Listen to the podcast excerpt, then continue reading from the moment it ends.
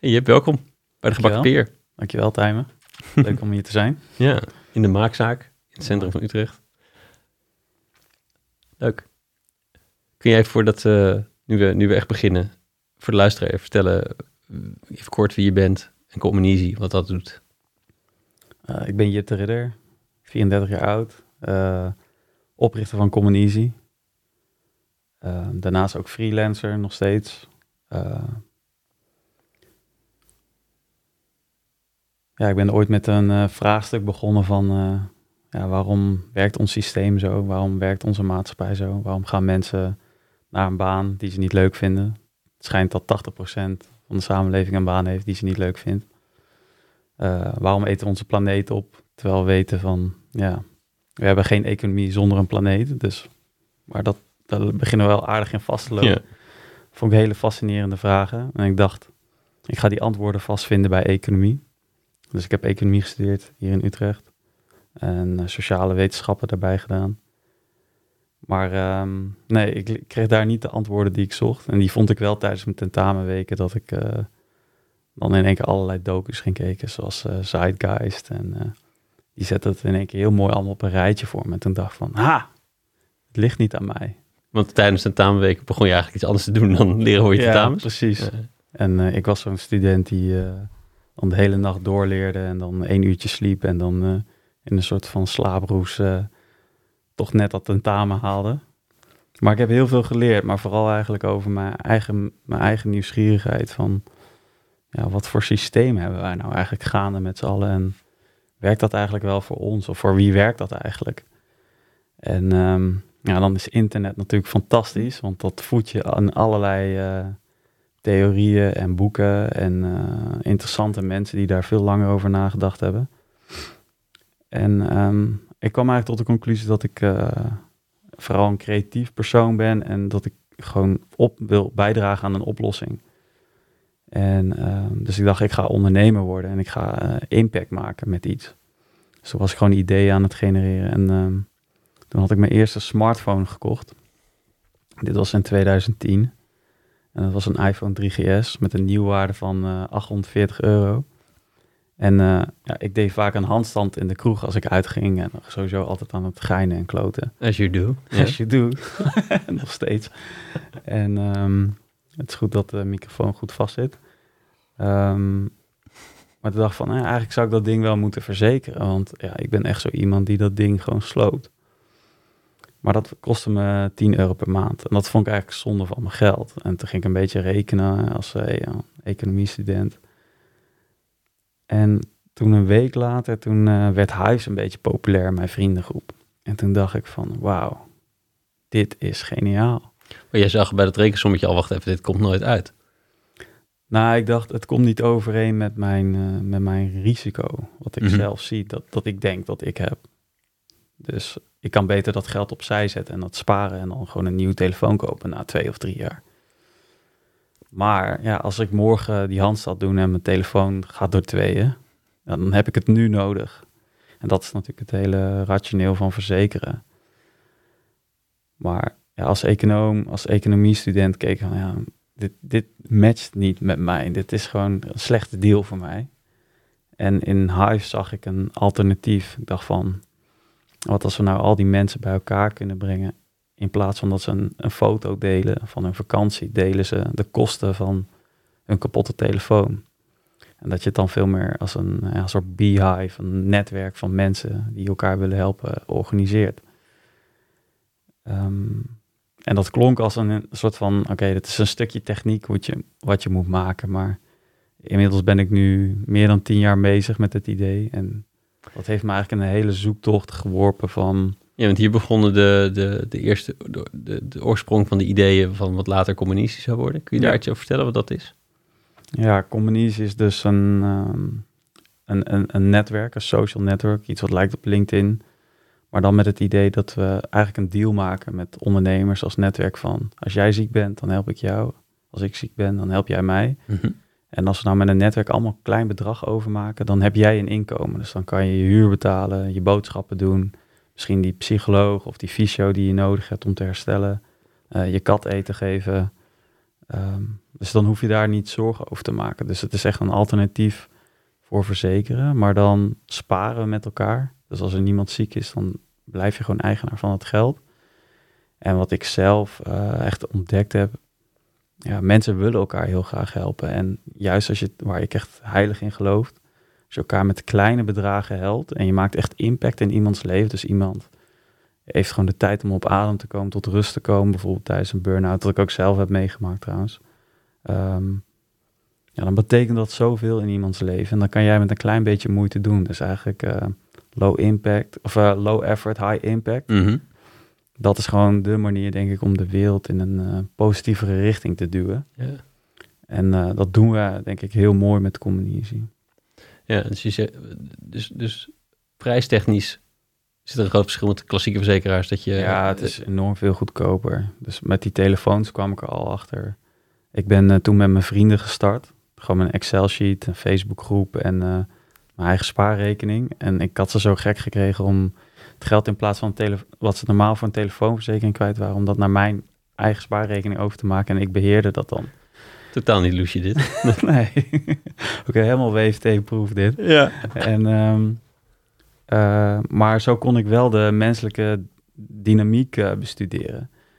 En daar kwamen, ja, daar kwamen gewoon hele interessante dingen uit. Maar het eerste wat, was, wat opviel was... Um, kijk, die telefoonverzekering kost een tientje per maand. Maar als je je vrienden helpt, kost het maar 3 euro per maand. Dus, dat, yeah. dus per maand spaar je 7 euro. Yeah. En als je dat dan gewoon oppot, dan, ja, dan heb je in één keer na een paar jaar heb je toch best een leuk bedrag. Maar als je dit voor ondernemers gaat doen, voor een arbeidsongeschiktheidsverzekering... Yeah. Ja, dat gaat over veel grotere bedragen, dus dat loont echt.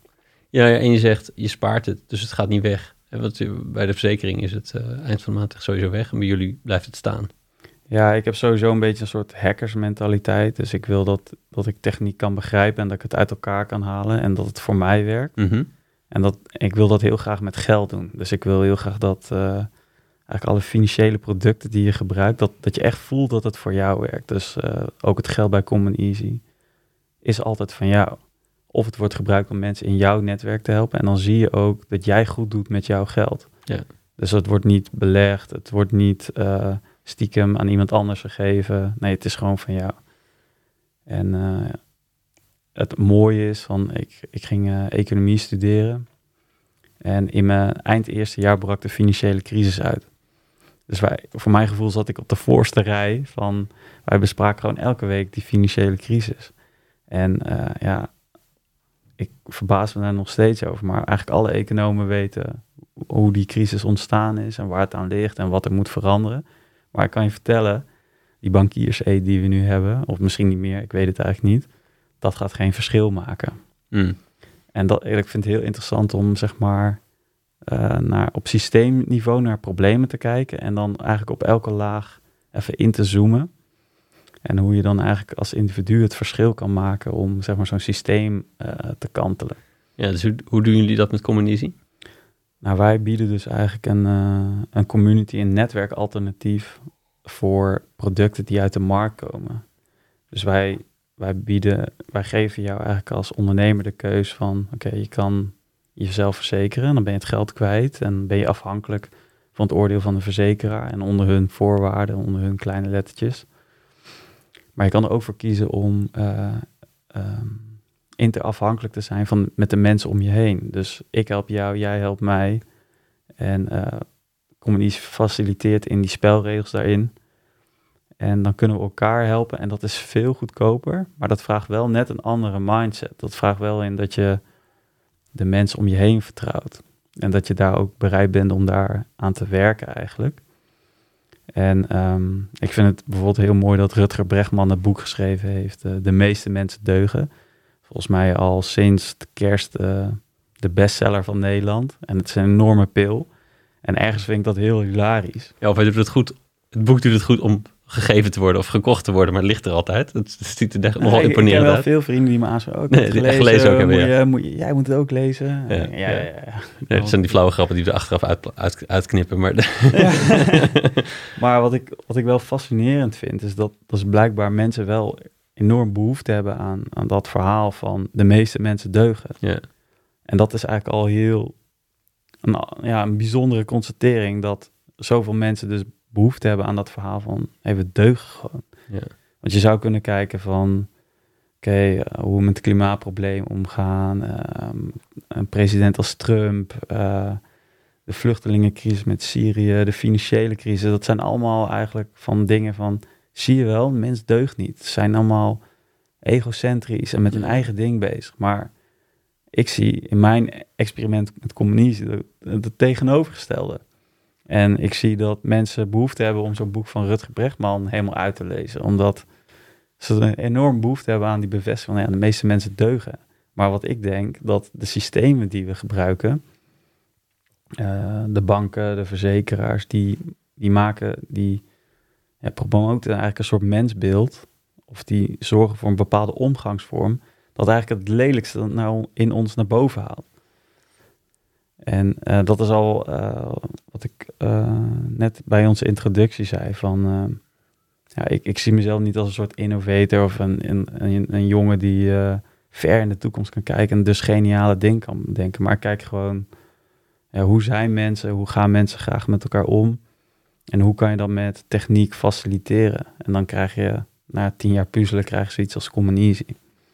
Ja, dus, dus dit is echt een ander zelfbeeld, een ander mensbeeld in het verhaal van wat betekent het om mensen te zijn en wie zijn wij eigenlijk? De, de, de, de mens is goed of de mens uh, en helpt elkaar graag of de mens is individualistisch en ja. zorgt voor, eerst voor zichzelf.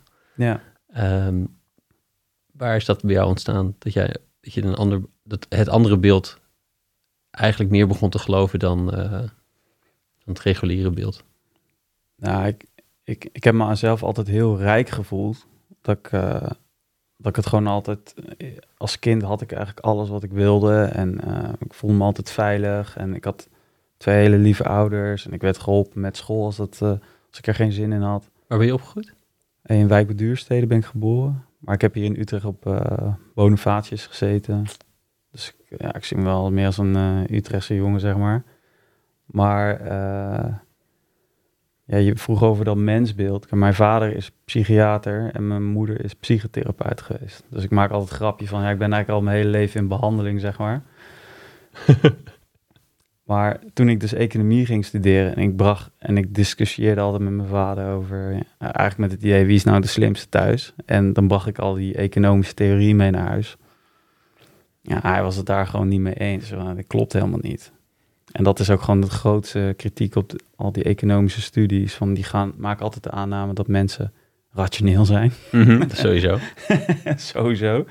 En dat ze uit zijn op uh, eigen gewin. Dat ze enorm individualistisch zijn en... Ja, utility driven. Utility driven. Terwijl eigenlijk als je juist naar de psychologie gaat kijken en ziet waar mensen in vastlopen. En dan is het vaak dat ze enorme pleasers zijn, uh, mensen die in burn-outs komen, die hebben vaak uh, enorme drive om andere mensen te helpen. Die cijferen zelf weg, die, die uh, zorgen niet goed voor hunzelf.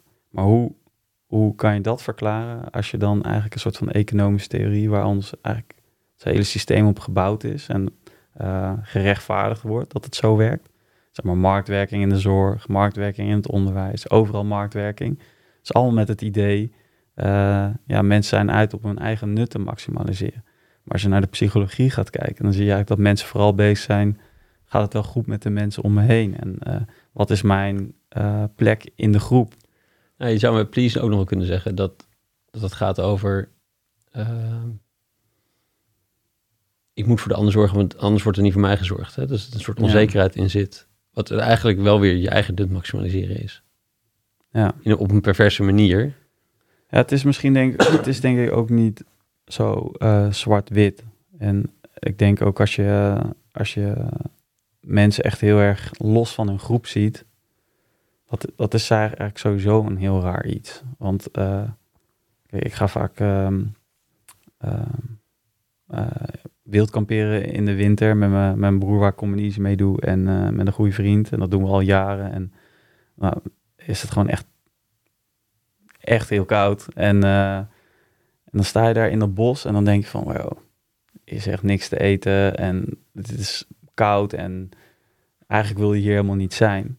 Maar dan kom je al heel snel tot de realisatie van... Kijk, als je met een paar mensen bent... dan kan, kan de een hout halen, de ander vuur maken... en de ander zet het kamp op. Dus dan ben je al aan het samenwerken.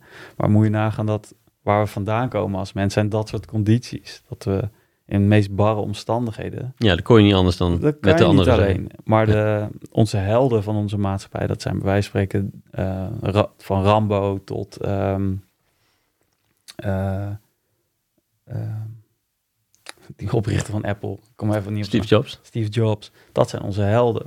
Maar we hebben een soort van mythe gemaakt van, ja, dat zijn bijzondere mensen die eh, uit het niks eh, de mooiste computers maken. En, maar dat, dat is gewoon een werking van tienduizenden mensen. En eh, als mens hebben wij gewoon geen schijn van kans alleen. Nee, en het staat natuurlijk al op een hele tijd... ehm, nou ja, een verandering die gaande was waar, waar zij op konden doorbouwen. Precies. Ja, van, eh, je sta, ze staan op de schouders van reuzen. Ja, precies. En, en ik denk ook voor ons eigen geluk. Eh, kijk, heel veel mensen gaan eh, lopen tegen dingen aan. En dan misschien nemen ze een keer de stap om naar een coach of naar een psycholoog te gaan. Maar eigenlijk, eh, die rol van die psycholoog, dat zat vroeger gewoon in de groep. Je was gewoon continu in gesprek met iedereen sores en iedereen deelde alles met elkaar. En ehm, daar, daar, daar heb je denk ik helemaal geen kans om een soort van burn-out of een soort van geestesziekte te ontwikkelen, omdat je gewoon continu in uitwisseling bent en door die groep geholpen wordt.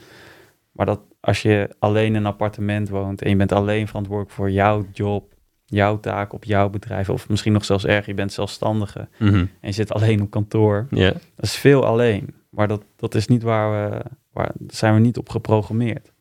nee, precies. Dus dat is weer terug naar wat, eh, wat, je, wat je zei. Ik ben geen innovator, ik wil terug. Ik, maar ik bouw gewoon iets voor wat Wat voor mensen werkt, voor me- echte mensen werkt. voor echte mensen. Ja. Ja, die deugen en die bij elkaar horen in plaats van los. Ja, en die ook floreren als ze in een, in een groep zijn eh, die hun rug heeft en die hun eh, steunt om meer uit hunzelf te halen. Omdat de groep ook weet, als Stijmen op zijn beste is, dan is het ook meest waardevol voor de groep. Ja. Dus we- wij zien heel veel dingen heel duaal in tegenstellingen. Maar ja, dat is eigenlijk een beetje een dood. Ja, van als ik jou help, dan heb ik minder. Ja, precies. Zeg maar, als ik jou help, gaat het ten koste van mij. Ja. Maar als ik het leuk vind om jou te helpen en jij doet het beter, op wat je ook doet, omdat ik jou help, eh, daar profiteer ik ook van. Want als groep staan we sterker. Ja. Als, eh, en ehm, wat ik ook begin zei eh, van ons praatje, voordat we dit gesprek begonnen, van het is eigenlijk heel paradoxaal. Van, ja, leef nou in een individuele maatschappij of in een collectieve maatschappij. Maar ik denk dat je alleen echt een individu kan zijn als je daar ruimte voor krijgt. En daar heb je gewoon veiligheid van een collectief of van een gemeenschap voor nodig.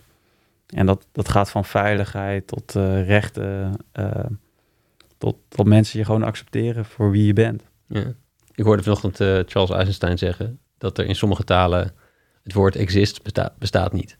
Want je kan niet op zichzelf bestaan. Nee, Dus ik, ik kan niet bestaan. Althans, niet, niet zonder de rest. ja, Dus dan in, in de taal bestaat het dus ook. In sommige talen bestaat het niet om het individueel uit te drukken. juist. Nou, exist, volgens mij betekent het ook letterlijk ehm, ehm, eh, je, je, je treedt ergens uit. Dus je, je, je valt op. Je, ehm, je staat buiten, eh, buiten een geheel, zeg maar. Zouden we moeten opzoeken. Zouden we moeten opzoeken. dus zeg maar een beetje het idee van eh, eh, boven het maaiveld uit, Ja, precies. uitsteken. Ja, bestaan. Ja. Dus je bent communitie gebouwen. Mhm. Hoe ging dat? ja, dat was een, eh, een aardige rollercoaster. En als ik er nu op terugkijk, dan denk ik van... Ik had eigenlijk zo zwaar onderschat mijn eigen, hoe, hoe dit verweven was met mijn eigen persoonlijke ontwikkeling. Mm. En ik heb eh, economie gestudeerd en ook veel vakken juist gericht op, eh, ja, op bouwen van business of, en innovatie. Je zat al je hele leven in therapie. Ik zat al mijn hele leven in therapie en het was eigenlijk gewoon eh, een soort van... Ja, nu achteraf dan snap ik het. Maar ik dacht eigenlijk ook veel meer aandacht moeten geven aan vanaf het begin om zelf veel serieus te nemen. Want ik merk gewoon als ik zelf lekkerder in mijn vel zit, zelf eh, stappen maak in mijn ontwikkeling, Want hoe zag dat eruit? gaat communisme met me mee. Ja, precies. Dus door goed voor jezelf te zorgen, Ja. dan pas ik aan het bedrijf werken. En hoe, hoe, hoe pakt dat uit in de praktijk? Nou, nu heb, nu heb ik, ik ben Communize gewoon eh à la lean startup gewoon begonnen. Dus ja, wat, waar zit het grootste risico? Nou, dat zit in eh, hoe die mensen dat met elkaar gaan doen. Kunnen mensen dit überhaupt met elkaar? Dus ik heb een, mijn masteronderzoek heb ik over het broodfonds geschreven.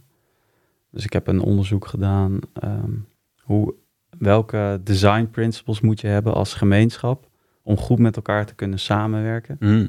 En daar heb ik het werk van Eleanor Ostrom voor gebruikt. Ja, ehm, Van de comments? van de Commons. Eerste vrouw in de, die een eh, Nobelprijs in de economie heeft gewonnen. En die heeft dat gekregen voor haar werk. Dat aantoont dat communities, gemeenschappen bijzonder goed in staat zijn om eigenlijk hun eigen dingen te managen. En dat kan zijn eh, waterbronnen, olie, eh, bos, weide, eh, festivalterrein. Ehm, het is eigenlijk eindeloos. Misschien zelfs een aanrecht in, in een kantoortuin. Nee, dat is dan weer onmogelijk. Dat kan Dat- echt dat niet. denk je dat het onmogelijk Dat kan is, dus weer echt niet. Dat, dat ligt dus aan welke spelregels je gebruikt. En als je daar dus bewustzijn in brengt, dus dat je goed gaat nadenken als groep van... Oké, welke spelregels hebben we eigenlijk nodig om met, met elkaar dit, dit aanrecht goed te managen? En eigenlijk alle traditionele economen zeggen, nou dat kan niet. Wat jij nu ook zegt van, ja, mensen nut maximaliseren. Nou ja, als ik, als ik Dus één ding weet dat niet gemanaged kan worden, is het aanrecht. dus die ditje een eh, vaat en... eh, Uh-huh. Maar dat, dat is waar als je het bij één ronde houdt. Maar als je week in, week uit bij dat aanrecht komt en het is een, een bende... Mhm. en eh, jouw klanten komen langs bij je kantoortuin en denken van... Nou, die- die timer, dat kan geen serieuze eh, professional zijn. Want eh, kijk hoe ze aanrecht erbij staat, bij wijze van spreken. Het is ook het verschil tussen finite en infinite games. Als Ja, het, als het precies. één keertje gaat, dan, dan inderdaad, dan, dan denk Ja. je, waarom zou ik? En op Ja. een gegeven moment heeft iedereen een eigen belang erin om het... Ja, precies. Dus dan ga je weer naar reputaties kijken. En ja, daar kan, daar kan, maar dat zijn dus eigenlijk allemaal elementen waar je. Er zijn dus een aantal elementen waar je aan kan sleutelen. En eh, dus dan zie je dat mensen eigenlijk heel goed in staat zijn om zelf hun eigen dingen te organiseren in een, in een gemeenschap, in een netwerk. Ja, Zolang er maar eigenlijk een baas van reputatie is. en dat is een soort key beginsel om Ja, en communicatie. Te kunnen communiceren, er moet reputatie zijn en er moet bewustzijn, hoorde ik je zeggen. Ja, en er moet een, ehm, er moet een bewustzijn van... oké, wij wij, wij doen dit als gemeenschap met elkaar. Ja, En er moet duidelijk zijn wie er wel bij hoort en wie niet. ja, ja. Ja, ja dat is wel een expliciete afspraak soms, moet dat zijn. Ja, dat, dat ligt ook een beetje aan natuurlijk waar het over gaat. Kijk, bij dat aanrecht is het overduidelijk... Kijk, dit zijn de mensen die in de gang kantoor hebben. Ja, Maar dan wordt het al dus interessant als mensen van de andere gang... bijvoorbeeld in de pantry ook even gaan vergaderen... en vervolgens jouw aanrecht gebruiken. Nou ja, Nou, dat- dit, wordt, dit worden specifieke voorbeelden waar de Ja. meeste luisteraars mee hebben, maar ook voor het, het algemeen van de, eh, Ja. toen we in de stad zijn. Toen jij nog in de stad zijn zat ook. Eh, wie is nou eigenlijk de club die die... Hoe groot is die club die, die dit, die dit stuk beheert? Of wie Mhm. er toegang toe heeft? Als je dat niet afbakent, Ja, dan is zo'n appgroep is daar niet toereikend voor. ja, Want dan is er dus geen bewustzijn van dit is de club. ja. Eh, ehm, en wat voor designprincipes haalde je daaruit die later in Common Easy terechtgekomen zijn? Nou, bijvoorbeeld dat iedereen eigenlijk eh, inspraak moet hebben over wie er gebruik mag maken van de pot eigenlijk. Dus ehm, bij Communities heeft iedereen een eigen spaarrekening. Ja. En als er iemand geholpen wordt op Communities, dan, dan zie je dat er een deel van jouw rekening wordt gebruikt om iemand te helpen. Maar dan heb je dus ook het recht om bezwaar te maken. En dan kan je dus bezwaar maken en dan komt dat bij Communities terecht. En dan gaan wij hoor wederhoor doen. Ja, En dan gaan wij kijken van, eh, is dit bezwaar gegrond? En eh, op die manier heb je dus eigenlijk altijd inspraak dat jouw, jouw inbreng goed gebruikt wordt. En dit klinkt dan eigenlijk al misschien wat negatief van eh, controle of sociale controle eigenlijk. Maar wij zien eigenlijk, als het eigenlijk allemaal goed gaat en je hebt een, eh, ehm, die reputaties zijn goed, dan zie je eigenlijk dat mensen elkaar heel graag willen helpen. Als er, maar, als er maar niet overvraagd worden. Dus als je elkaar met kleine bedragen helpt, dan is eigenlijk de impact, het verschil dat je maakt groter. En daarmee het plezier wat je ervaart van, oké, ik help iemand. En dat kost mij eigenlijk relatief heel weinig moeite. Dan is het leuk. En daar, daar proberen wij onze missie van te maken. Van ja, de meeste mensen deugen, laat elkaar gewoon helpen. Met goede spelregels kunnen we dit gewoon zelf. En dan hebben we geen dure verzekeraars nodig.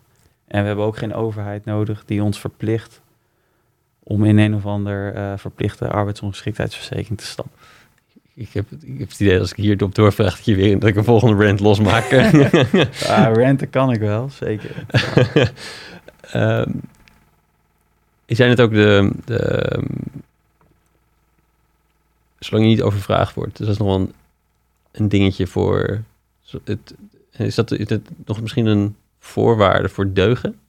Dat er niet te veel stress is en overbevraagd zijn? Hoe bedoel je overvraagd? Nou, je, je zei, zolang je niet overvraagd wordt als, in, als, als persoon in het netwerk, dan, dan is het prettig juist om te geven. Want dat, dat, dat doet ook voor de gever doet het een hoop. Um, zolang je niet overvraagd wordt. En, en nou, hoe, zie je dat, hoe, zie je dat? Wanneer word je overvraagd? En wat doet dat met, uh, met de mentaliteit en de, en de reputaties en et cetera in dat netwerk? Nou, dat is een goede vraag. Ik weet niet of ik daar 1, 2, 3 zo'n antwoord op heb. Maar ik denk, een, wat mijn visie daarop is van, kijk, je moet, we zijn met z'n allen verantwoordelijk om overvloed te creëren. En als die overvloed er is, dan kan heel veel. Ja. En mensen weten donders goed zelf of ze te veel of te weinig uh, vragen.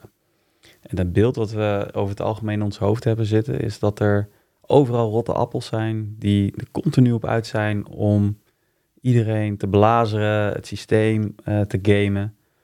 Maar eigenlijk als je het verhaal gelooft, de meeste mensen deugen. En volgens mij ook wat jij ziet eigenlijk in de en praktijk. En wat ik dus eigenlijk ook zie in de praktijk. En ik kan zo nog een verhaal vertellen. De eerste keer dat ik dat heel duidelijk zag. Um, dan, dan, komt dat, dan komt dat eigenlijk wel goed. En dan creëer je die overvloed ook. Want mensen hebben er zelf ook allemaal belang bij dat het geheel werkt. En uh, heel veel systemen, juist ook uh, als je het over uh, natuurlijke grondstoffen hebt, of over milieu, gaat het juist fout als je die verantwoordelijkheid weghaalt bij mensen. Mm. Dus op een moment bijvoorbeeld, als we teruggaan naar de stad zijn en um, het aanrecht bekijkt, ja. op het moment dat er een schoonmaker is, dan zal je zien dat mensen eerder geneigd zijn om hun handen ervan af te trekken en van, ja, het is de verantwoordelijkheid van de schoonmaker. Of het is de toch? verantwoordelijk van de, van de, eh, de conciërge. Mhm. Eh, terwijl als het heel duidelijk is van, ja, dit is ons eigen pakje aan. En als het vies is, dan is het vies voor ons. En Ja. er is niemand die dat gaat opruimen voor ons. Dan zal je zien dat iedereen ook eerder geneigd is om die verantwoordelijkheid te pakken. Ja, eh, mooi.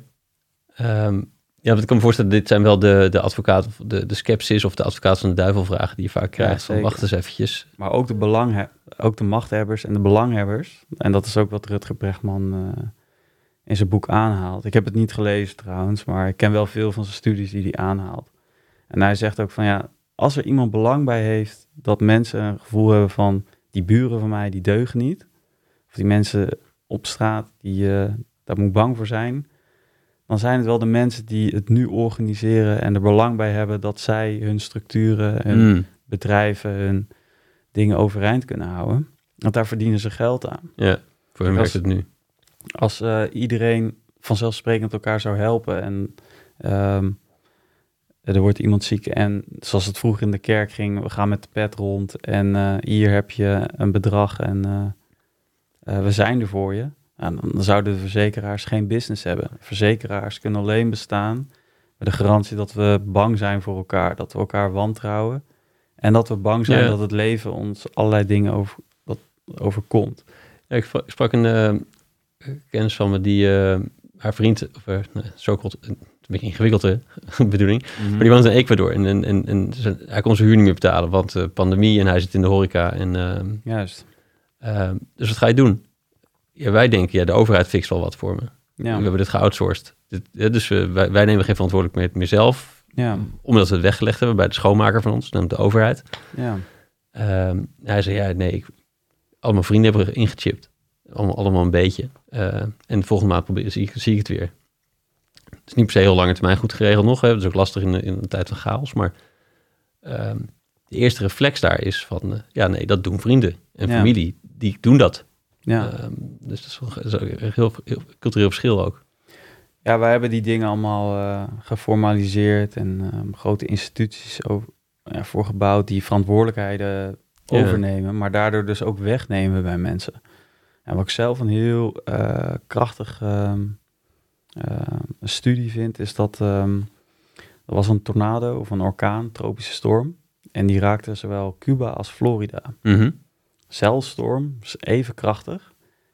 Eh, Cuba is praktisch eh, ja, tweede wereldland, zoals we dat noemen. Eh, Florida, ja, first world.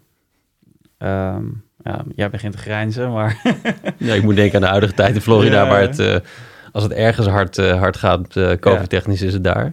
precies. Maar dat, wat het interessante is, dat die storm die raakte Cuba en een paar uur later ook Florida. Mhm. In Cuba waren er geen doden gevallen en in Florida waren er geloof ik 80 of 130 mensen overleden. En waar zat het verschil in?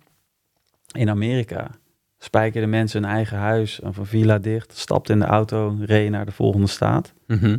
en pakten hun eigen spullen, eigen aggie en weg.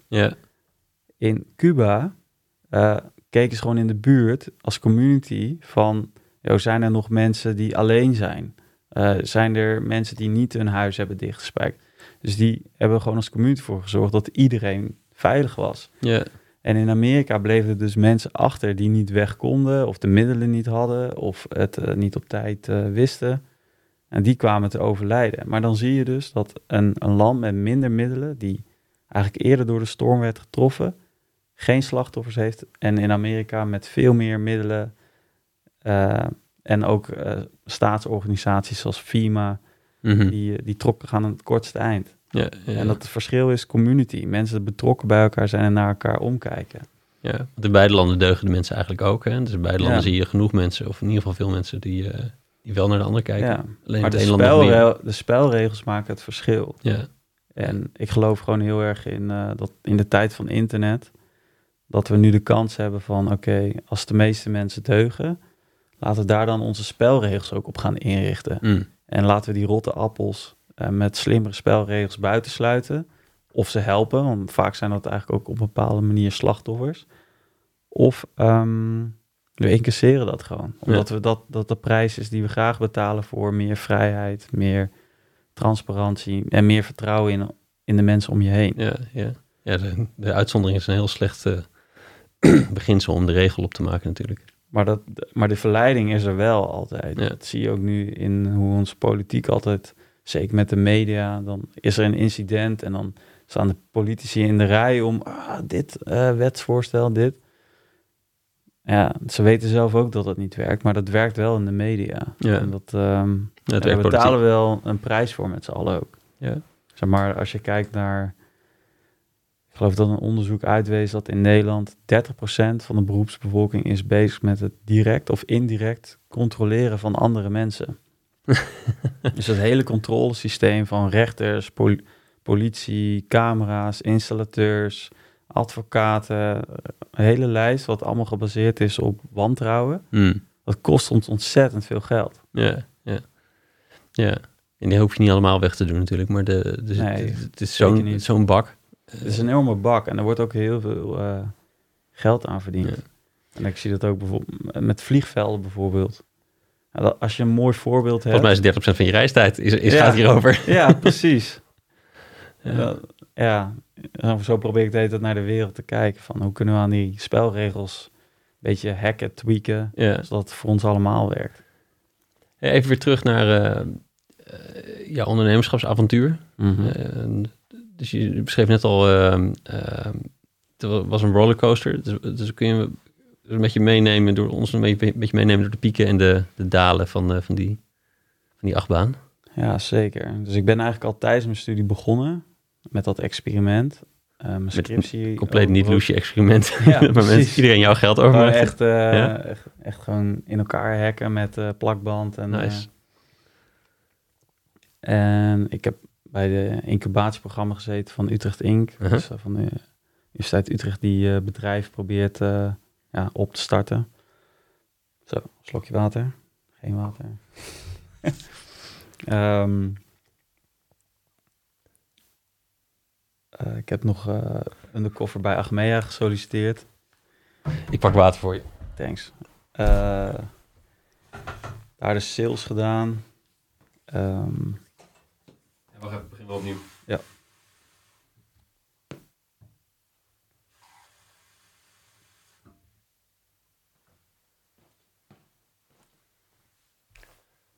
Chill. 9% zeker dat ik hem goed deed.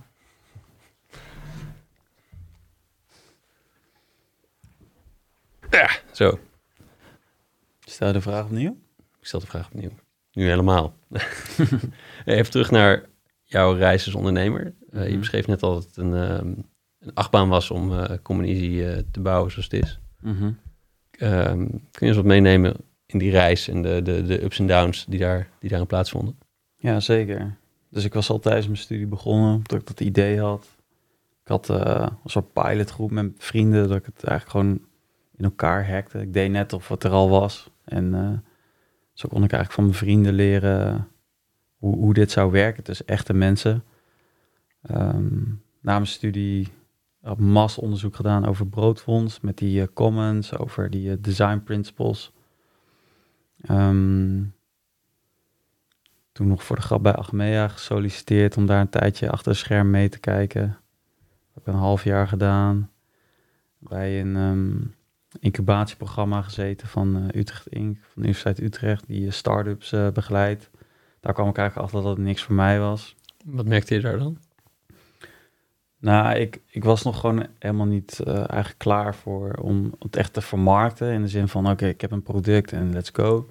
Ik was eigenlijk nog veel meer bezig met onderzoek van ja, wat voor visie zit, wat, wat voor visie zit hierachter. Mm. En uh, ja, wat wil ik zelf nou eigenlijk? Wat wil ik nou? Want ik voel helemaal niet per se voor mij dat het een, per se een bedrijf moest zijn.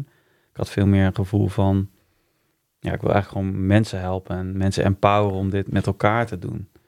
En uh, ja, ik was natuurlijk al zelf ook een beetje ja, beveld, gebruik ik nu het woord, omdat ik met die commons bezig was. En die zeggen van ja, eigenlijk kan alles als community. Dus ga je dat dan als soort van hypercommercieel bedrijf benaderen? Voor een incubator was je al helemaal verziekt. Dit... Voor een incubator was ik inderdaad helemaal verziekt. En ik kreeg ook een mentor. En die kwam uit de financiële industrie. Mm. En uh, ja, ik grapte van, ja, maar jij bent van de dark side. en zo voelde dat voor mij ook. Was dit gesprek één? Dat was een lekker begin. Dat was een lekker begin, maar hij moest er wel heel erg om lachen. Mm. En uh, hij vond het daardoor ook des te interessanter. Van ja, als je iets nieuws wil doen, heb je ook een ander. Ja, kan je niet vanuit hetzelfde bewustzijn doen, uh, zoals die bekende quote gaat. Ja.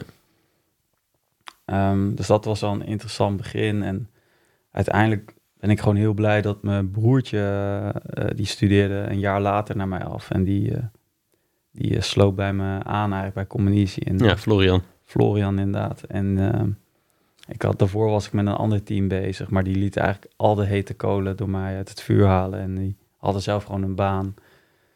Dus daar had ik uit, dat was eigenlijk mijn grootste les van die incubator. Van je moet een goed team hebben. Mm. En toen ging ik met mijn broertje verder. En um, ja, mijn broertje die heeft zichzelf programmeren geleerd. En um, ja, die heeft het gewoon gebouwd wat ik min of meer bedacht had. En wat uit die uh, lessen kwam met die, uh, met die uh, vrienden van me, waar we onze telefoons mee verzekerden. Want ik hield dan om de maand, twee maanden, hield ik soort van brainstorm sessies. Dus ik kocht pizza en bier en dan zaten gewoon tot twee uur s'nachts over verzekeringen te praten.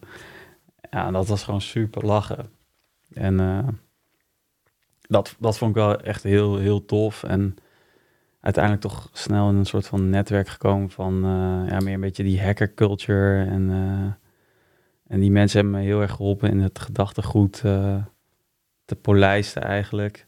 En uiteindelijk heb ik de stap gemaakt um, nadat ik wat geworstel had met de Nederlandse bank.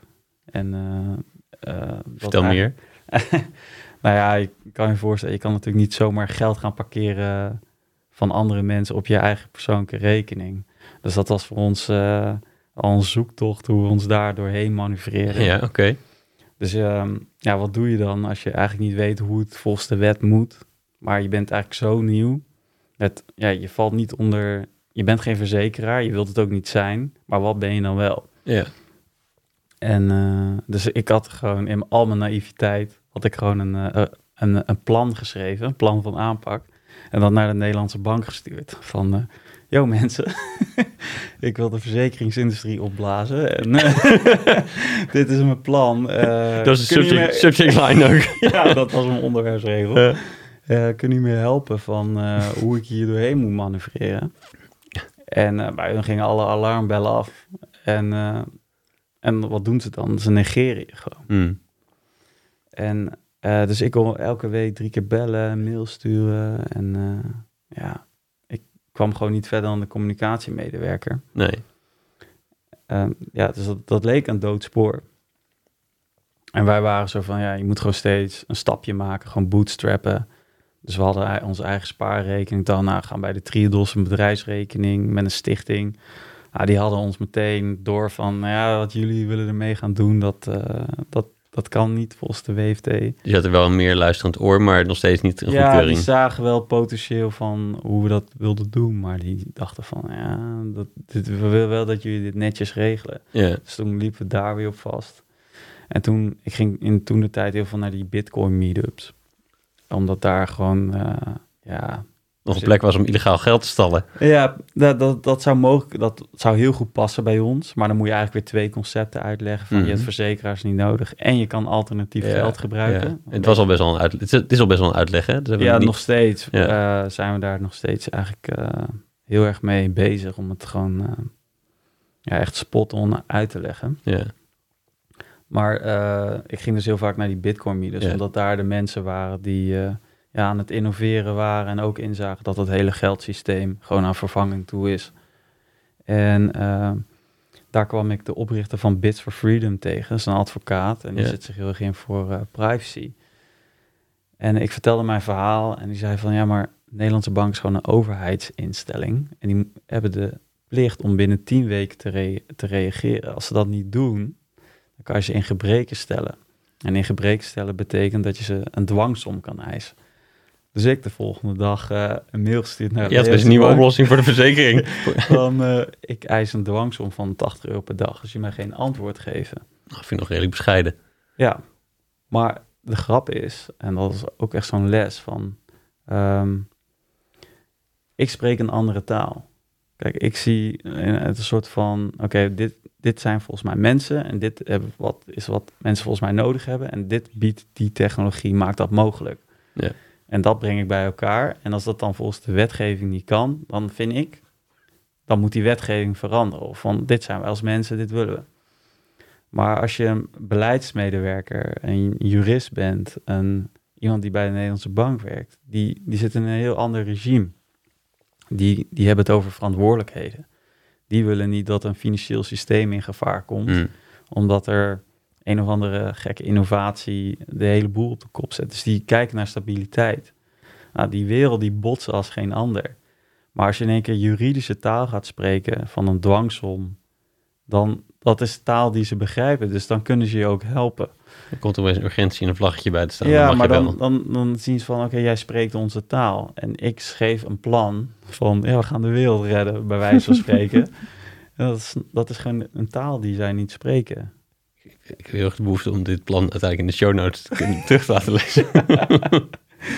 Ja, ik, als ik ga graven, dan heb ik het wel ergens staan. Maar... Hoe is het uiteindelijk afgelopen? Die, die... Nou, uiteindelijk ehm gaven ze me een antwoord van... Ja, wij gaan geen antwoord geven op je vraag. Omdat eh, jij gaat werken met gelden van anderen. Dus op het moment dat ik het geld zou aannemen, dat het van mij zou worden... dan zou ik een verzekeraar zijn. Want dan bied je een, een polis aan, een contract. Jij geeft me geld en dan neem ik jouw risico over. Ehm, maar Combinese werkt fundamenteel anders. Het risico blijft bij jou. Wij helpen jou met sparen. En we zorgen Ja. ervoor dat er mensen zijn die jou helpen als het, eh, als het fout gaat. Ja, en dus toen?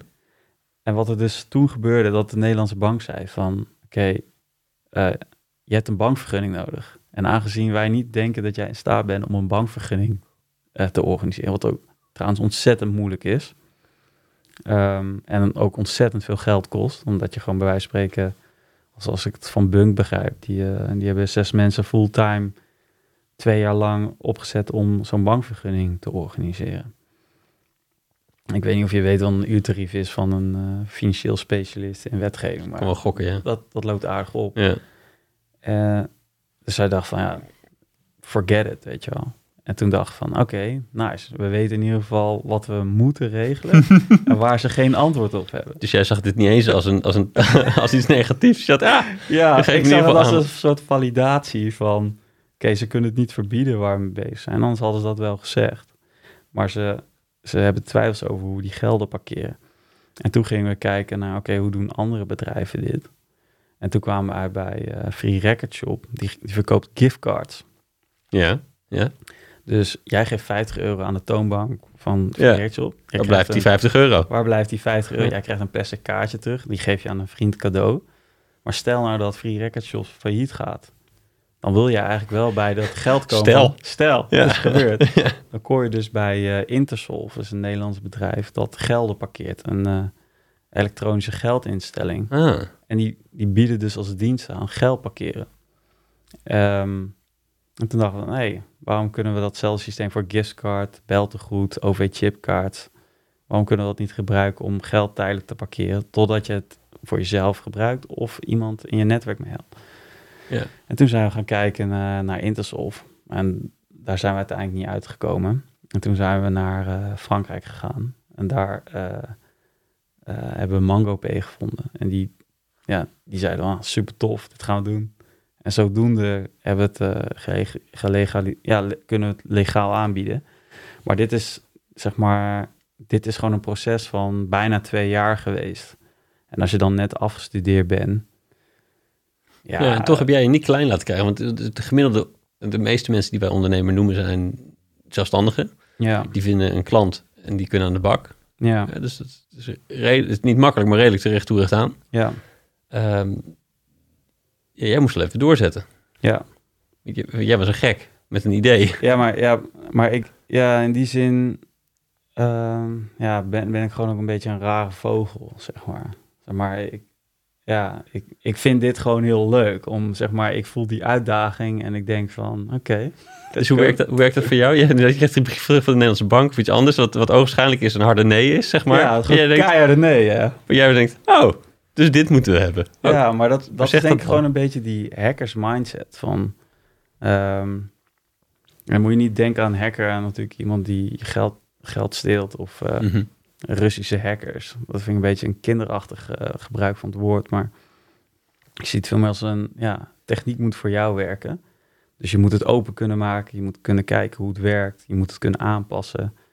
En eh, ja, zo, zo kijk ik gewoon naar dat soort problemen. Dus ik vind dat gewoon heel, ja, ik vind dat heel leuk. En op, op, ehm, ik overtuig mezelf ook altijd om dit soort dingen te doen. Door van, nou, is het een goed verhaal? dan moet je het gewoon doen. Hoe eng of hoe moeilijk of hoe kleine kans ook is dat het lukt. Maar is het een goed verhaal? Doe het gewoon. ja, maar ook dus als je een paar keer eh, grote hobbels tegenkomt, dan blijft dat bij jou dus nog steeds van, doe dan gewoon. Ja. Ja. Ja, Vind ik wel maar dat, is wel bijzonder, maar het is ook, ik zou het ook niet aanraden per se. Want het, Als in, maar, jij ik zou anderen wel, dit, ik bedoel dat je de Nee, anderen dit ik niet zou zou niet aanraden. gauw andere mensen verleiden om te doen wat, hoe ik het doe. Want ja, dit is gewoon mijn weg. En kijk, ik, ehm, eh, ik heb ook veel geïncasseerd daardoor. Ik ben, ik ben, ben hier al bijna tien, of ben al langer dan tien jaar hiermee bezig. Maar ik heb, ik heb nog nooit voor een baas gewerkt eigenlijk, zeg maar. Ehm, maar dat brengt ook heel veel onzekerheid. En ook heel vaak eh, dat mensen aan je vragen, waar ben je nou mee bezig? En dat, je het dan niet, dat je het dus vervolgens niet kan uitleggen.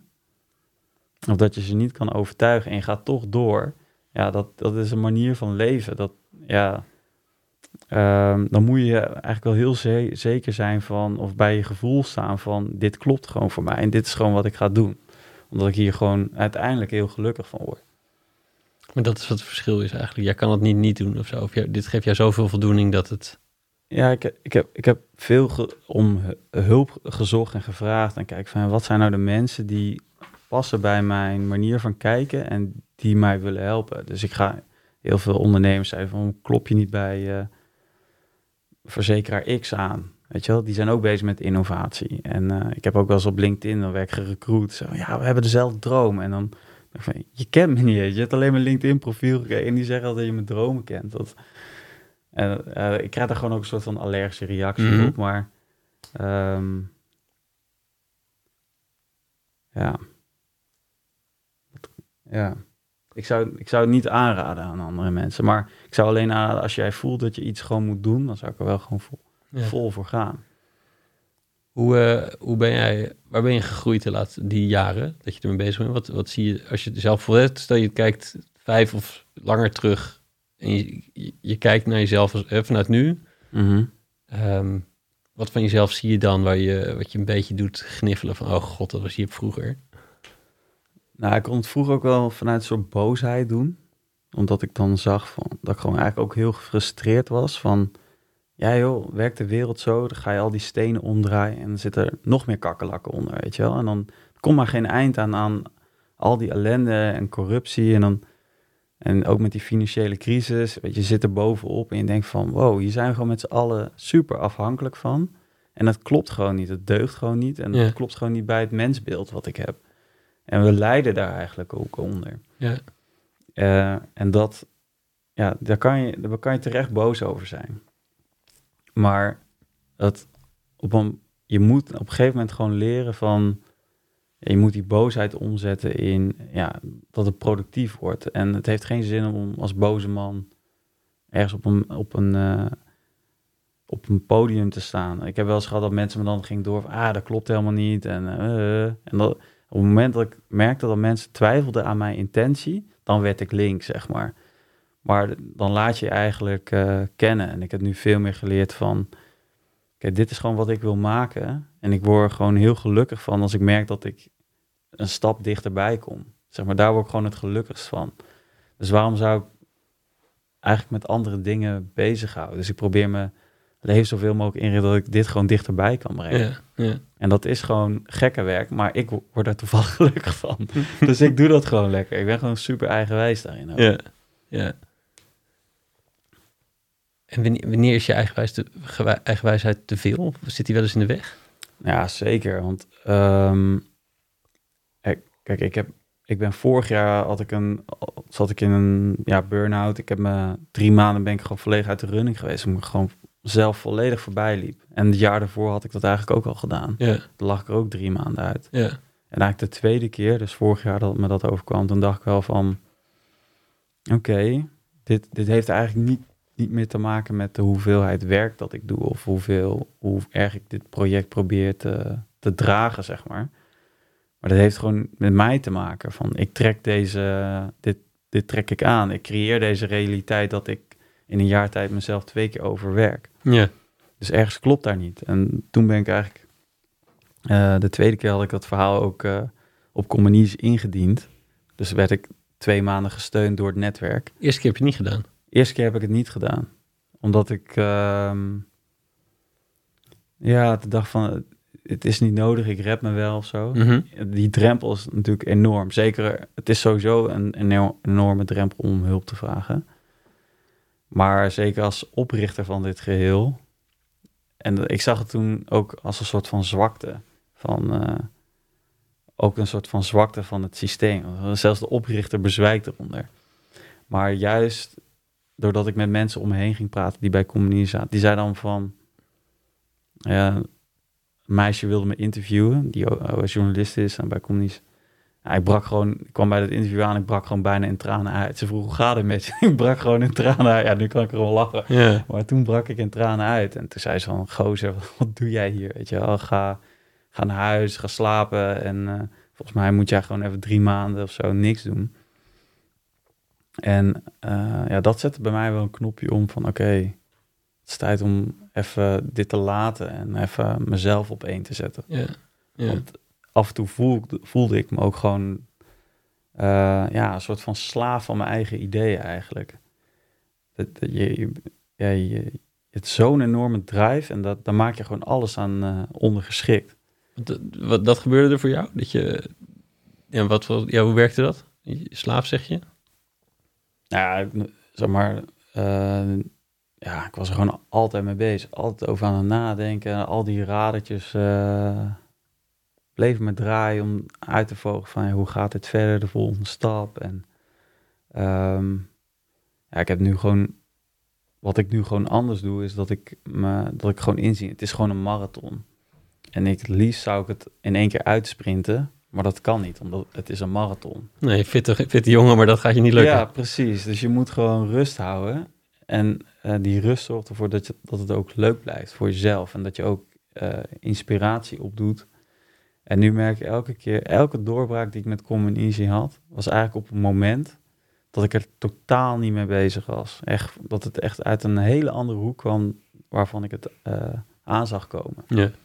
En ik denk dat dat heel veel uh, mensen die willen creëren en ondernemers, dat die erachter komen van, ja, je bent eigenlijk veel productiever als je dat in een staat van rust doet en uh, niet, over, niet vol van stress staat.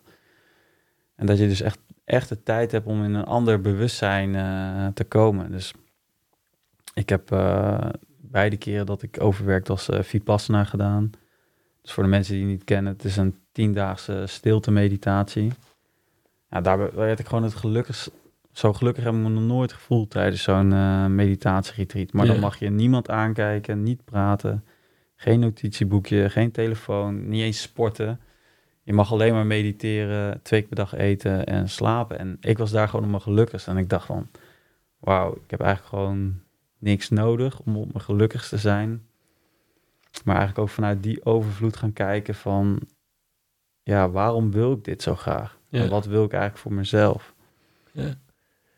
Ik moet gelijk denken dat het ook wel weer grappig paradoxaal is. Dat je, het wordt niet veel individualistischer dan je terugtrekken in zo'n retreat natuurlijk. Ja, wat, ja ook absoluut. iets, dat interconnectedness waar we het eerder over Ja. hadden. Dat je ja, het wel afhankelijk zijn en met elkaar zijn. Ehm, ik, ik weet niet zo goed wat dat betekent, maar er zit, ik vind het komisch dat, dat, Ja. dat je oplaat om juist ook weer even je stof weer terug te trekken. Er zit daar, Ja, zit is- daar een soort van... Het zijn gewoon, denk ik, hele basale behoeftes die we allemaal hebben. En we hebben gewoon behoefte om echt alleen te zijn. Dus even geen Ja, telefoons en andere Ja. mensen. Je hebt gewoon tijd nodig om jezelf te kennen. En de groep heeft ook het meest belang bij dat jij goed in je vel zit. Want als jij niet goed in je vel zit, ja, ja, dan ben je eigenlijk een, bij wijze van spreken heel negatief gezegd een blok aan het been. Hoe graag we je ook willen helpen. ja. Maar je trekt wel de groep eh, naar beneden. Mm. Dus we hebben eigenlijk, we moeten eigenlijk elkaar juist aanspreken en faciliteren van, ja, ga, ga, ga die retreat doen, ga, ga mediteren, eh, ga die workshop doen, eh, ontwikkel jezelf. eh. Ja. En voor iedereen, ja, er zijn, het mooie is, we hebben zoveel instrumenten hoe je dat kan doen. En er is altijd wel iets wat past ook. Maar voor mij werkt Vipassana echt supergoed. Ja. Dus het is en... Het is gewoon en-en. Dus het is wil- en, en. ja. Ja. dat is ook wel een beetje bedoel van... We zijn heel gewend om daar een soort van heel duaal in te denken van... Als jij goed voor jezelf zorgt, dan gaat dat ten koste van het collectief. Of eigenlijk als je kinderen ziet voetballen op een plein, of tenminste als ze dan nog doen. Maar tenminste toen ik klein kind was, zeiden van... Ah, je bent ego, je bent ego, je moet eh pasen, weet je wel. Maar dat is eigenlijk een heel raar ding, dat kinderen zeggen van... Je bent een ego, dus dat eh, is iets negatiefs. Terwijl eigenlijk, als jij goed voor jezelf zorgt, daar is, daar is niks ego aan. Nee, maar bij, de, bij het spel is het natuurlijk is het samenspelen of zelf spelen. Ja, En ego bedoelen ze, je speelt te veel alleen. ja. Het is de balans is doorgeslagen naar je bent een alleenspeler in plaats Eh, van... je gaat voor je eigen show. Ja, dan is, dan is het scoren gaat... Dat, iedereen wordt dan boos. Ja, dat is ook gek. Nee, die hebt ergens ook wel gelijk. Want het is gek, want als, dan is het... Maar als, als je scoort, je zat toch in hetzelfde team? Ja. Wat, wat bedoel je? ja, als jij denkt dat je het met jouw show kan doen, doe het dan. Ja, ja of ze, zijn ze, niet, ze denken van niet. Dat, Ja. Ja.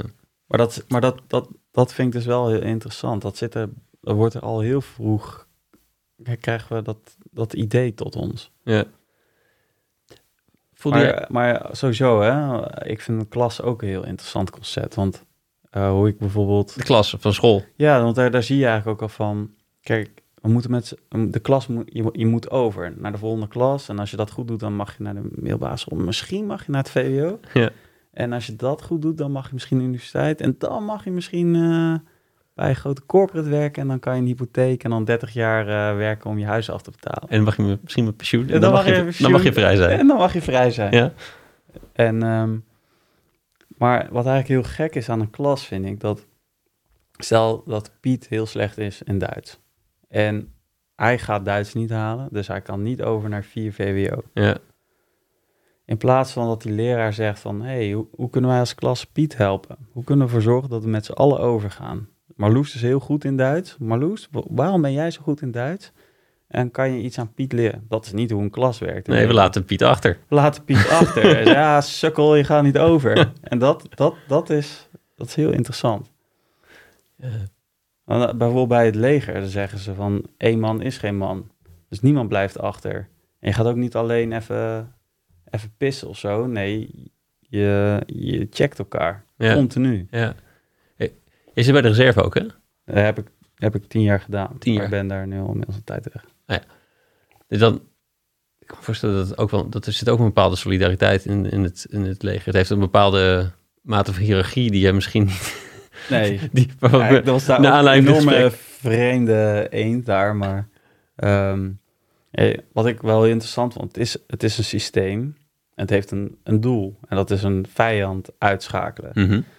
En dan zit je in een soort leven- en doodsituaties en dan Ja. gelden er in één keer hele andere mechanieken. Mm. Dus onze hele maatschappij is, zou je kunnen zeggen, op efficiëntie ingericht. Zeg maar de goedkoopste aanbieder die wint, et cetera. Eh, maar bij het leger, ja, dat, dat boeit niet. Daar, daar telt van, ja, we moeten overleven. Dus het moet altijd werken. Dus efficiëntie, dat is ondergeschikt. Dat- Het gaat om effectiviteit. Dus. Een, eh, een telefoon, bij wijze van spreken, een veldtelefoon... Ja, dat is eh, vier vuisten groot. Terwijl dan denk je, van, dan heb je zelf een smartphone en dan denk je van, hè, waarom lopen we met zo'n belachelijke baksteen? Maar die gaat gewoon niet kapot. En die, die smartphone, daar kan je niet op rekenen dat hij het altijd doet. Mooie woordspeling, want jij, Ja. ging, jij ging er wel op rekenen dat, Ja. dat hij het wel deed. Ja, Ehm, nog even terug wat, naar die, ehm, eh, naar die, naar die burn-out fase. Die, voelde jij even ook verantwoordelijk voor je klanten? Dat dat ging werken? Speelde dat mee? Want op het moment dat ik zelf eh, eruit lag, of... Nou, dat, dat je doorging en doorging en doorging, altijd aanstond ervan. Mhm. Ehm, je zei later ook wel, je realiseerde dat het niet kwam door, door veel werk, maar dat het... Ja, door de lading die ik het gaf. Ja, En dat ik... ehm, ja dus mijn hypothese is, is, komt dat door verantwoordelijkheidsgevoel voor je, voor, voor je community? Ja. Of, of wat speelde er? Kijk, ik ben, ik ben op een missie, ik heb een drive. En ik wil me daar zelf, mezelf daar niet in teleurstellen, maar ik wil ook niet onderdoen aan die, aan die missie. Dus ik wil niet zeg maar de, de zwakke schakel zijn dat die missie niet lukt. Ja, En dat is natuurlijk een continu appel om alles te geven eh, wat je hebt. Dus Ja. eigenlijk ondernemen met een passie, of met een drive, is superleuk. Maar het is ook levensgevaarlijk, omdat het is eindeloos wat je daar aan kan doen. En ehm, wat ik eigenlijk door die twee keer dat afgelopen jaar heb geleerd, is van dat ik daar veel meer routine in bouw. En veel meer prioriteit maak van, kijk, ik moet gewoon ontspannen dingen doen en ik moet gewoon opladen en ik moet met vrienden zijn en ik moet eh, vooral veel buiten in de natuur zijn. Dat is het moment dat ik oplaad en, en daar ook vertrouwen dat als ik eh, tijd niet aan communicatie besteed, ja, dat ik eigenlijk nog waardevoller ben. ja. Maar dat, dat voelde ik nooit. nee. Dus ik ging maar gewoon eindeloos door. Nee, ik, ik, ik hoor wel eens van de hack van, ehm, nou, los van het feit dat je tijdens je workout, als je goed voor jezelf is, ook heel veel kan doen. Dat je, je Ja. gaat allemaal podcast luisteren. Ja, Ehm, maar ook dat je het als dat je het jezelf overtuigt om het te doen, omdat je dus gaat zien dat het effectief is. Of dat je ziet dat het ook productief is. ja. Waardoor je het eigenlijk paradoxaal ook weer een beetje onderuit haalt. Dus het is Ja. namelijk helemaal geen ontspanning meer geworden daardoor. Ja, je bent nog steeds aan het werk. Namelijk, dat- ik ben nu aan het werken aan mijn fitheid, zodat ik dat kan doen. ja dat, ja. Dat, maar dat zie je, dat, dat, die worsteling zie je bij heel veel mensen. En dat vind ik zelf ook nog wel interessant. En zeg maar in hoeverre, bij mij lag de sleutel van, ja, hoe, hoe ben je nou, is jouw idee waardevoller dan, dan jij jezelf waardevol vindt? En uiteindelijk kwam ik tot de conclusie van... Ja, ik moet mezelf echt veel meer gaan waarderen. Want dat idee wat ik heb, dat is eigenlijk maar een klein deel van uiteindelijk van wie ik ben. Maar ik had het door de, al die jaren ermee bezig te zijn en door al die hobbels... had ik mezelf gewoon een soort van geprogrammeerd van... Ja, dit is wat ik ben. Ik ga dit in de wereld zetten en ik ben daaronder geschikt aan. Maar uiteindelijk moet dat idee mij ook gelukkig maken. En uh, ik word heel gelukkig als mijn idee andere mensen gelukkig maakt. Dus dat, zeg maar, eigenlijk waar we het net over hadden van jouw geluk gaat ten koste van mijn geluk. Mhm. Dat is gewoon zo erg niet waar. Maar dat hebben we zo vaak wel in ons hoofd zitten.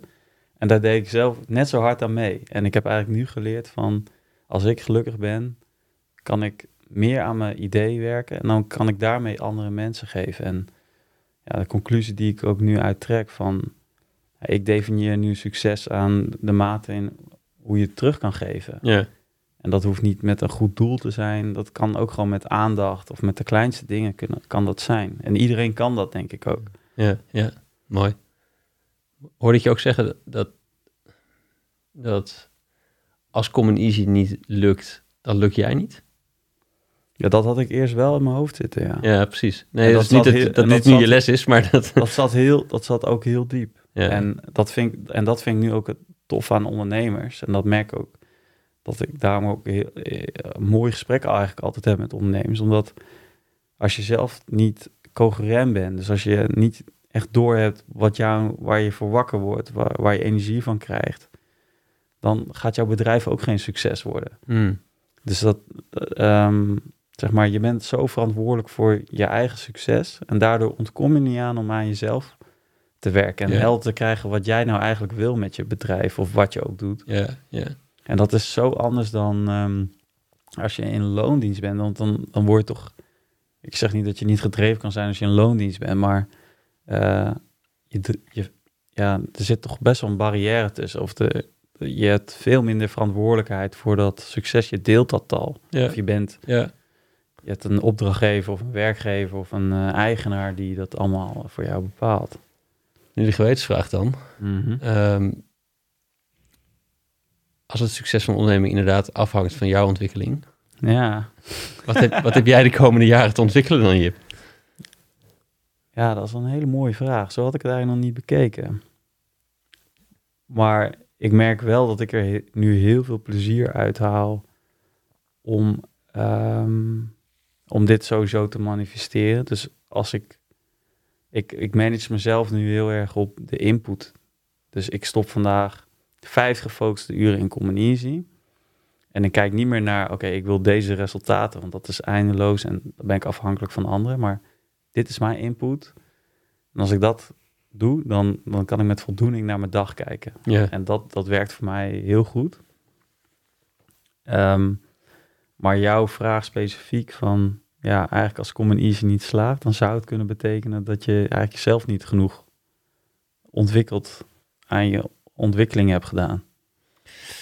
ja als, dat, als die causaliteit zo werkt, zoals jij schetste. Nou, kijk, ehm, ja, die filosofie die ik nu een beetje aanhoud, van je moet je man, jezelf managen op je input en op je processen. Dat is wat je onder controle hebt. Mhm. Maar de resultaten, dat, ja, dat is in een context van 10.000 dingen. Ja, En daar kan je niet verantwoordelijkheid over nemen. Maar over je intentie, over je processen en wat je daadwerkelijk aan input erin stopt, dat wel. ja, En ik merk als ik dat gewoon heel duidelijk zelf uitschrijf, de avond en de dag erna daarmee aan de slag ga, ja, dat ik me, me elke dag met heel veel voldoening afsluit. ja. En dan, en dan kan je die marathon volhouden. En dan kan je die marathon volhouden. Ja.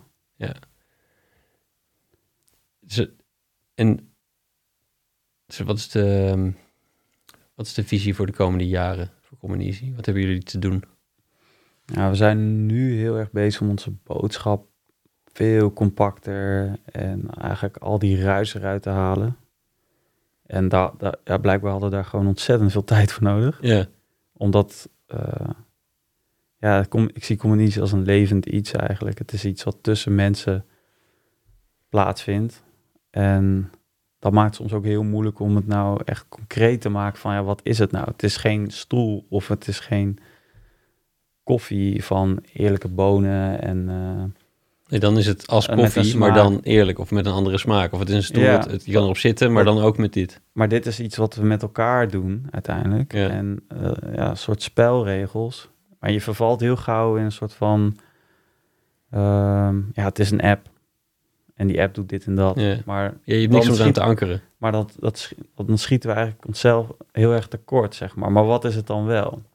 En ik heb dat voor mezelf nu heel erg helder. Ook omdat ik eh, zelf dat hele proces heb meegemaakt van crashen, opgevangen worden door je eigen community, eat your own dog food, daar weer uitkomen en daar weer heel veel gesprekken over voeren. Dus ik voel nu heel erg gewoon van, ja, dit is het. En ehm, ja, dus ik wil heel een grote slag maken in die communicatie, veel meer bereik gaan opbouwen, dat mensen ons leren kennen veel meer faciliterend zijn aan bestaande communities. Van, jouw communities, dat zijn de toekomst. Want communities kunnen dingen die bedrijven en overheden nooit zullen kunnen. Ehm, bijvoorbeeld die, die in- interpersoonlijke veiligheid, wat, wat, wat ik denk dat echt key is voor ons, eh, ja, om te thriven of succesvol te zijn als Ja, als mensheid. Ja. En dat kunnen communities als geen ander. En ehm, daar willen we, wij willen eigenlijk bestaande communities meer gaan faciliteren en gaan opzoeken. Ja, als je met ons samenwerkt, dan kan je ook zonder verzekeraars. Dan kan je op je eigen community terugvallen. Ehm, ja, we willen heel graag een mobile app bouwen, zodat die communicatie gewoon nog meer eh, smoother en Ja. aangepast is Ja, op jouw ja. eh, behoeften. Ja, en groeien moeten we gewoon om het eh, duurzamer te maken. En ik zit te denken om zelf tijd remote te gaan werken. Ik heb door corona echt geleerd van, oh, ik kan dit eigenlijk ook allemaal op afstand. Ik hoef Aha. niet in een kantoor te zitten in Utrecht of eh, fysiek events te doen. Dat kan allemaal, kan veel meer met Zoom dan ik dacht. Ja, ja, ja. Echt heel bijzonder. En ehm, ja, waar ik mezelf ook wel echt als opdracht... Ik heb de neiging dingen zelf te doen. Dan gaat het niet snel genoeg. Of ik denk van, ah, mensen snappen... Ik kan mijn visie niet duidelijk uitleggen. Dus doe ik het maar zelf. En ik heb, ik heb nu veel meer van dat ik gewoon bij mezelf kan blijven... in uitwisseling met de anderen. En daarom heb ik veel meer vertrouwen dat ik mijn visie kan bewaken... en waar ik voor sta. En dus ik wil veel meer mensen gaan uitnodigen om met me samen te werken, om eh, mee te bouwen. Omdat ik nu ook gewoon zie dat mensen mij heel graag met communie, of eigenlijk communitie heel graag willen helpen. Omdat ze zien van, ja, wij willen ook vanuit vertrouwen onze maatschappij inrichten of samenwerken met elkaar. En niet Ja, ja, vanuit, want het alternatief is wat we in China hebben. Dat we eigenlijk al die techniek die we ontwikkelen gebruiken om een soort eh, dystopie. Ja, ik zou er niet, ik zou daar niet willen wonen. Nee, Dat ja, is echt mijn nachtmerrie. Maar ehm, ja, dus, dus, dus vooral dat laatste vind ik interessant. Want dat, dat vraagt dus anderen in staat stellen jouw werk te kunnen doen. Of niet jouw werk te kunnen doen, maar dus... nou, ook inzien van... ehm, alleen ga- gaat het mij ook gewoon niet lukken. Want het is gewoon een marathon. Ja. Ik, kan, ja, ik kan bij wijze van spreken... En misschien wel 40 keer twee. een sprint trekken. Ja. ja. misschien is het wel twee marathons. En het wordt gewoon veel leuker en veel beter... als, het, als je gewoon eh, die zin ook divers bent in en de mensen die meewerken. Ja. En om dat te doen, wat heb je, wat heb je te leren of los te laten?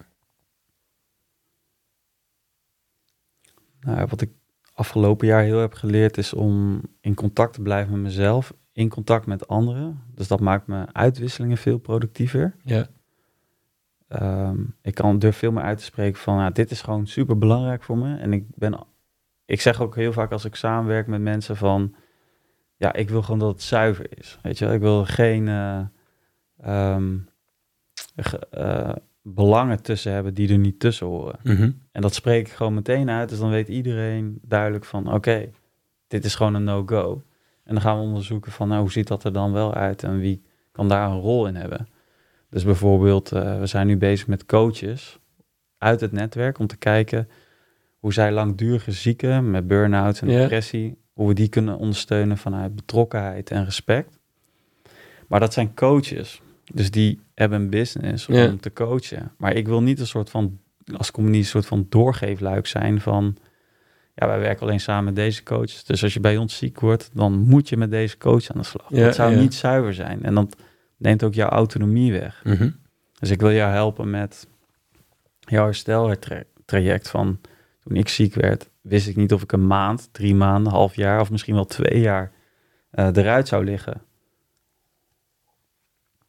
Maar als je een coach hebt die zegt van nou, gemiddeld hersteltraject waar jij nu bent is drie maanden of vier maanden. Ja.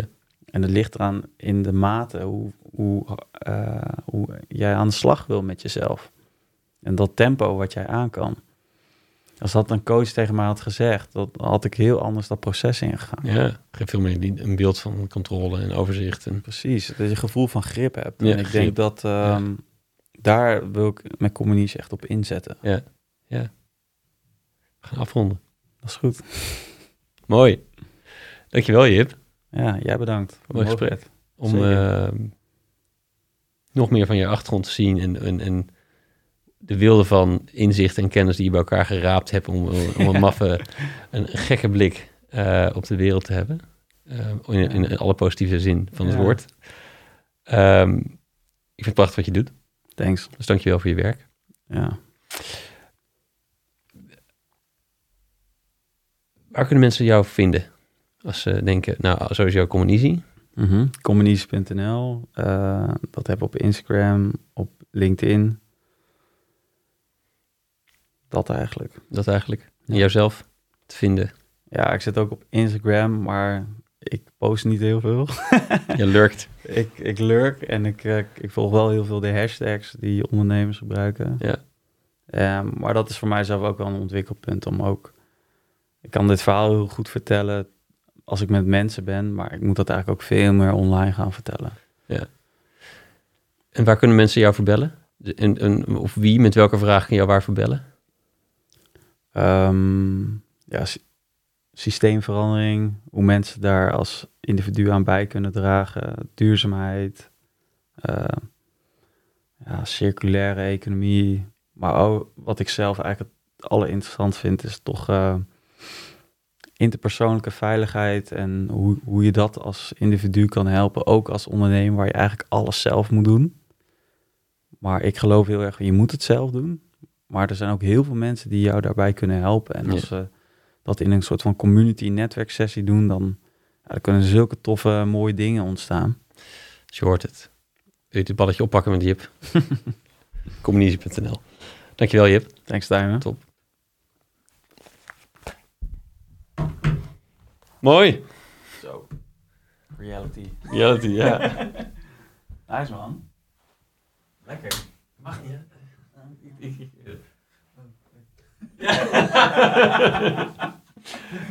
Ruben, we moeten de knop. Oh, netjes getimed ook. Dat zag ik staan. Ik had ook door kunnen gaan, maar dan... Ah. Lekker, man. Ja, Hoe was het? nice. Nice. Ja? Ja, ja, ja, ja. eh, Jip is, de, de- die kan het zeggen, ik niet. Moet ik op de rode knop drukken? Of is Ja, dat... Ja.